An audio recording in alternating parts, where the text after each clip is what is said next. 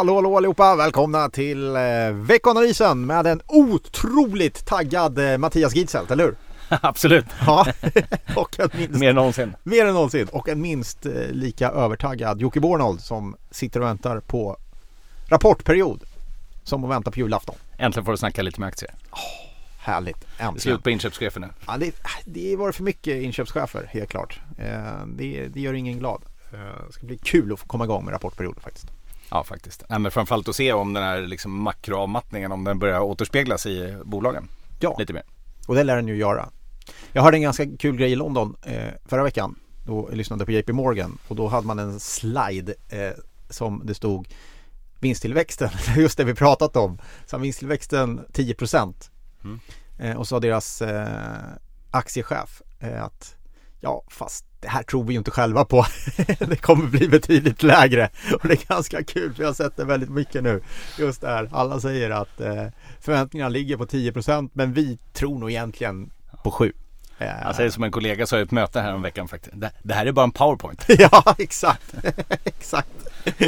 Ja, det där är lite roligt. Alla, all, förväntningarna ligger på 10% men ingen som har de förväntningarna. Eh, ja, vi får se. Det lär i alla fall skrivas ner kanske efter den här rapportperioden. Eh, det ligger väl i farans riktning kanske. Ja, vi får se. Men eh, absolut, framförallt inom verkstad tror jag det kommer vi nog få se lite Lite förändrad kommunikation, liksom att det ser svagare Ja. ut. Det är, allt annat verkar ju konstigt. Och det, ja, Ja. sen kanske marknaden köper det eftersom man vet om det. Just det. Du, eh, ska vi prata lite krona? Ja, absolut. Det, det är alltid roligt. Den blir ingen starkare. Finns det ingen botten på den här kronan? Ja, den, den stärktes ju lite förra veckan faktiskt. Eh, Eftersom det kom in eh, konsumentprisinflation som var lite Mm. högre än väntat. Och Just faktiskt för en skull Riksbanken ligger rätt i prognos. Just Ja. då i alla fall. Mm. Eh, och då stärktes den lite trots att eh, egentligen marknaden blir mer och mer negativ. Eh, Ja. Eller tror på svagare kronor och det tror vi också och vi tror att det inte- sista är inte sagt.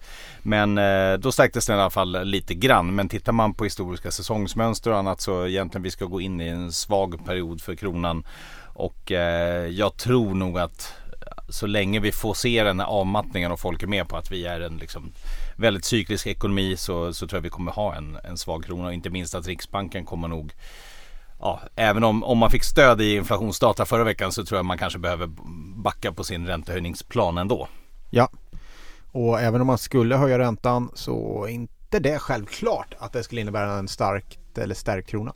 Eller? Nej, det, det behöver det absolut inte göra. Utan eh, det, det är nog så att vi, jag tror att vi, vi ses just nu lite grann som en, alltså även om man höjer så hamnar man ju på en väldigt, väldigt låg nivå jämfört med omvärlden. Räntedifferenserna är fortsatt stora. Ja. Eh, och där, jag tror inte man kommer plötsligt om vi går upp 25 punkter ränta se att vi ska ha mycket högre eller starkare krona för det. Kollar man på grannen Norge så har man ju faktiskt höjt tre gånger i år. Och Ja. det har ju inte haft någon större påverkan på den norska kronan. Den är Nej. fortfarande väldigt svag. Ja. Så, Nej, så det, det, jag tycker nog underliggande trend är kvar. En stark dollar eh, och eh, svag svensk krona, svag, ja egentligen ganska svag euro också. Men naturligtvis krona mot euron är ännu svagare. Just det.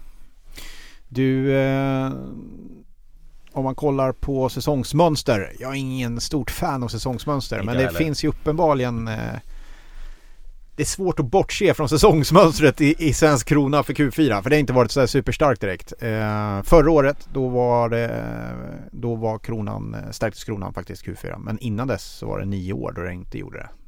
Yes, det stämmer. Och annars är det ju utdelningssäsongen som är det liksom tydligt mönster att kronan brukar försvagas under den. Så att eh, ja, man, ska, man ska ta för vad det är säsongsmönster. Det kan vara enstaka faktorer som påverkar naturligtvis. Men, Ja. men absolut, det brukar vara ganska svagt under slutet av kvartalet. Jag kommer ihåg, är det två år sedan nu som eh, den här oron för bostadsbubblan i Sverige fanns. Då försvagades ju kronan på grund av det. Så det, ofta är det någon faktor som ligger bakom. Ja. Men naturligtvis så, ja, det, det, tittar man just de senaste tio åren så finns det en tydlig sån, sånt samband.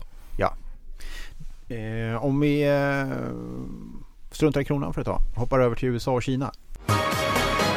Eh, För där kom det kanske ett delavtal. Det var ganska skumt. Det var, eh, det var väldigt mycket nyheter som kom ut fredag kväll. Eh, och till slut kom väl Donald Trump ut och pratade om också att man hittat en fantastisk eh, new deal. Eh, en lite del, ett litet delavtal i alla fall. Det visar sig idag tror jag att det där inte är underskrivet eh, och att det ska förhandlas vidare.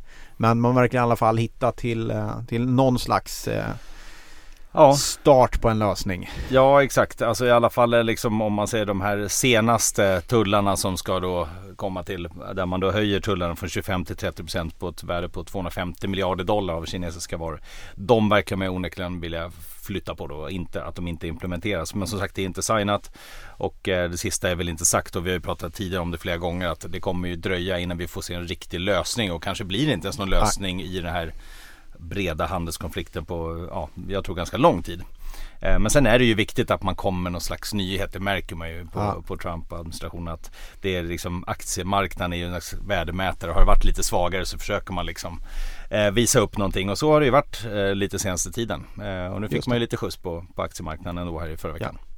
Ska man se någonting som är positivt där så kan man väl ändå säga att det betyder väl att man ändå inte är längre ifrån varandra än man faktiskt kan mötas i vissa delar och det ja. är väl positivt. Eh, det är inte nattsvart liksom. Det finns diskussioner Nej. på alla fall eh, detaljnivå. Det finns ett intresse kanske också att hitta fram till lite lösningar. Det ja, får man väl ta med sig. Om man säger en, eh, en nedgång i global handel, det drabbar ju många. Naturligtvis drabbar det kanske Kina och tillväxtmarknaden mer ja. eh, än den här ja, än USA som har väldigt stor inhemsk ekonomi. Men när, när man börjar se att även konsumenter kanske drabbas i det här till slut så, så kommer nog även finnas en vilja där att, att göra någonting Just åt det. Och det gör det också den här tranche 4 ja. eller man kallar det, den fjärde mm. delen av eh, tullkriget där konsumenterna de som drabbas hårdast eller mm. konsumentvaror drabbas hårdast. Yep. Eh, till skillnad från tidigare där det faktiskt inte har varit så mycket konsumentvaror som har dragits in i det här.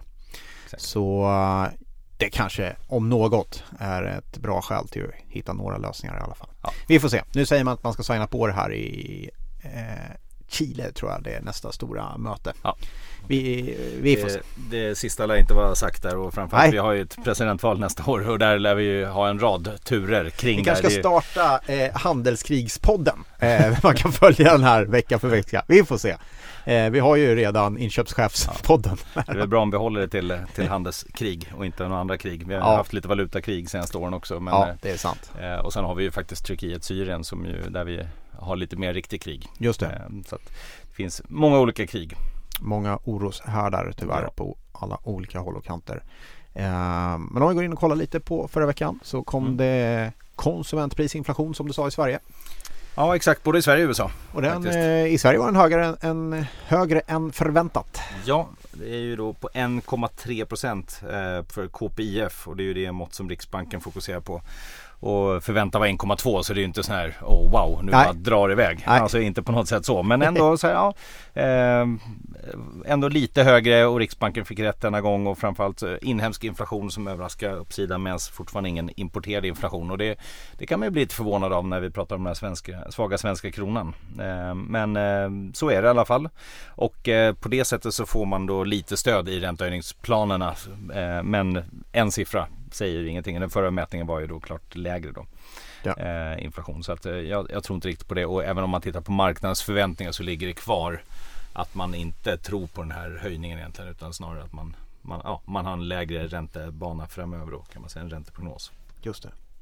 Ja, ja men det, det blir väl eh, spännande att följa det där framåt. Ja, och sen fick vi svensk industriproduktion. Ja. Eh, var lite sämre än väntat. Just det. Tyska industriorder sämre än väntat. Sämre än väntat. Eh, så att det In... fortsätter ju att vara liksom sådär data som kommer. Ingen vändning på det, just det. Makro och eh, inflationsdata och ja. så vidare. Något att lyfta fram från den amerikanska statistiken? Ja, det ligger kvar. Om man tittar på deras kärnnivå då så ligger KPI kvar på 2,4 procent och det är ju på högsta nivån under den här cykeln. Och här kan man väl räkna med att det faller tillbaka lite längre fram egentligen med tanke på att även där mattas det av. Och det syns inte i den här datan men det syns i producentpriserna som ju också kom och där var det finns nästan alla komponenter som var lägre än väntade. Eh, så där ser man ju ändå att det, den här avmattningsindustrin någonstans visar sig ändå i producentprisen. Så nästa steg mm. är väl att kanske se det ut mot, mot konsumenterna också. Okej, okay. så kanske fler räntesänkningar där borta eller? Eh, inte otroligt och nu bekräftar man i princip i protokollet förra veckan också från Fed att man eh, kommer med nya, ja man ökar balansräkningen igen. Mm. Eh, 60 miljarder dollar per månad. Så att eh, det är eh, ja absolut mer stimulativt och eh, tydligare avmattning från alla håll. Och sen det, det som är det intressanta i det här tycker jag det är det, vad, vad är kopplingen? Är det till liksom handelskriget eller är det en vanlig avmattning. Och där tror jag många lite grann går fel. Alltså, man tänker att ja, men nu kanske man skriver på ett litet avtal med Kina och då har man löst ja. det och så ska allting, då kan det bli ett cykliskt uppsving här nu Just under det. nästa år. Och det kan mycket väl bli ett litet uppsving. Men jag tycker ändå att det finns en del som talar för att det här är lite mer, eh, ja, en, en riktig avmattning. Liksom. Större än så. Ja, större än så. Och det kan man konstatera att den här avmattningen har pågått betydligt längre än handelskriget. Eh. Absolut, den började 2017 i princip. Så det är väldigt långsam avmattning, men ja. det är en avmattning. Mm. Vi får se vad det tar vägen. Eh, kanske får vi något tips redan den här veckan. Eh, för då kommer det detaljhandelsförsäljning i USA. Yes. Och eh, det är ju naturligtvis fortsatt viktigt. Det är konsumtionen som har hållit upp amerikansk tillväxt. Och eh, har ju varit bra i de senaste mätningarna. Alltså på, om man tittar till detaljhandelsförsäljning och rensar bort bilar och bildelar eh, så växer det med ja, 3,5-4% per år. Mm. Vilket är ju faktiskt en ganska bra utveckling. Ja. Eh, och även den här gången så väntas det att det ska öka med 0,3% under den här månaden, under september. Då. Eh, så att eh, ganska bra siffror. Mm. Eh, förväntas. Ska vi se om det verkligen är så. Men det har hållit upp i alla fall i den här oron i övrigt. Den amerikanska konsumenten, är, är det den enda ljuspunkten vi har i, eh, i, i, i den globala ekonomin just nu? Låter negativt. Vi har ju lite Kina-stimulanser och annat ja. också. Och Fed är med oss igen och sådär. Så det är kanske inte den enda ljuspunkten. Men, men eh, om man tittar på vad som driver tillväxt i USA så är ja. det ju framförallt från den delen. Mm. Helt klart. Yes. Eh, Sverige, arbetslöshet i september. Den är ju rätt intressant. Den är intressant. Eh, efter riktigt dåliga siffror ett tag. Exakt, där var det ju, många trodde att det här skulle vara en sommartrend, lite svaga siffror. Men så kom det ju en siffra direkt efter sommaren som också var svag. Mm. Eh, och nu kommer det nya siffror återigen så väntas det en liten nedgång till 6,7 procent då. Ja. Eh, och förra gången så var det väl 7,4 eh, om jag minns rätt. Mm. Uppgång från 7,1 till 7,4. Och nu ska det ner till 6,7 då. Och det här är ju klart intressant för att eh, arbetslösheten har ju faktiskt ett ganska starkt samband med tillväxt, med inflation och annat. Eh, och är ju indirekt någonting som naturligtvis Riksbanken och andra fokuserar på genom olika resursutnyttjande indikatorer och så vidare. Så att eh, ökar det där från dagens ja, rätt höga nivå. Vi är ju faktiskt bland de högsta i Europa med, med den siffran vi har. Ja. Ökar det ännu mer så är det ju en, en klar oro för den svenska ekonomin. Helt klart. Eh, det kommer faktiskt på torsdag och på torsdag då är det ju telekomfest eh, på börsen. Ericsson, Tele2 och Telia kommer faktiskt. Eh, och alla kommer 07.00 så det är bara att ställa klockan och eh, vara beredd. Det kan bli åka av. Eh, några intressanta. Eh, Ericsson är förstås superintressant. Eh, är ju inne i någon slags perfekt storm faktiskt med teknikskifte som ångar på med 5G. Man har eh, en konkurrent som har det minst sagt svettigt i form av Huawei som Eh, nekad att sälja sin utrustning lite runt om i världen. Eh, borde ju vara bra. Man borde kanske skulle vara ännu bättre. Vi får ju se hur bra det är nu förstås. Mm. Men om man kollar på förväntningar, marginaler. Ericsson borde kunna prestera ännu bättre i den här miljön kan man tycka. Men eh, vi får se. Eh, det blir spännande i alla fall. Tele2, Telia kommer. Eh, många gillar dem i defens som defensiva aktier. Eh, där ska man kolla koll på kostnaden på båda sidor. Telia framförallt då, som inne i ett ganska stort kostnadsprogram, eh, besparingsprogram. Eh, det Jobbigt att ha kostnadsprogram som man ska öka. Det är jobbigt. Kostnadsprogram, det skulle jag kunna driva faktiskt. ja. Jag driver dem rätt hårt hemma i familjen Bornold. driver jag kostnadsprogrammen. eh, men det, det, blir väl intressant att se hur det går med dem. Eh, man kan konstatera att Telia höjde sina priser i Sverige på mobilsidan eh, ganska ganska rejält faktiskt. Jag vill se utfallet av det. Det borde göra att den intäktsmässigt växer igen, mobilsidan. Den eh, förra kvartalet så minskade den faktiskt. Eh, Tele2, ah, det kanske är mer fokus på framtid, tillväxt men också på eventuellt nyheter kring eh, neddragningar och kostnadsbesparingar faktiskt. Eh, sen kommer det lite industri, det gillar vi. Volvo Sandvik på fredag. Det är väldigt intressant, inte minst ur makroperspektiv. Superinter superintressant. Mm. Eh, Volvo är ute idag och pratar lite grann om att Brasilien ser riktigt, riktigt bra ut i år eh, och tuffar på faktiskt. Som ju haft minst sagt struligt. Eh, men eh, å andra sidan har de i eh, strejk hos Mack. Så att eh, ja, det blir spännande. Volvo kommer på fredag. Där borde man som du säger se lite signaler. Det borde man se makrosignaler även i deras siffror. Det har vi inte sett. Volvo har ju varit väldigt starka ja, faktiskt. Ja, varit väldigt bra. Vad tror du om Sandvik? Ja men där borde det absolut synas. Mm. Eh, Jag tror överlag att om man tittar på sektorn, jag kikade på någon sån här sektorrapport inför verkstadsrapporterna och det är, man har ju dragit ner förväntningarna till en i princip noll organisk tillväxt för Mm. nästa år. Ja. Eh, Så att det börjar ju faktiskt märkas att liksom även analytiker kommer eh, ja, justera sina estimat Just det. efter att ha sett makro som viker. Så det tror jag, och en del av de noll, det skulle ju vara negativt om det inte var för svenska, svaga svenska kronan dessutom. Mm. Så att det är ju det, jag ska inte säga att det är inprisat en riktig avmattning men eh, det, det finns ju i alla fall en viss Man är ja, inte börjat blind för upp det. i alla fall. Ja, helt okej. klart. Härligt. Det är den här veckan det. Det är väl fullt ös. Vet du vad? Det här var veckoanalysen den här veckan. Är vi nöjda? Är du nöjd? Gött. Då hörs vi nästa vecka igen. Ha det gott Det vi. allihopa. Ha det bra. Hej! Hej.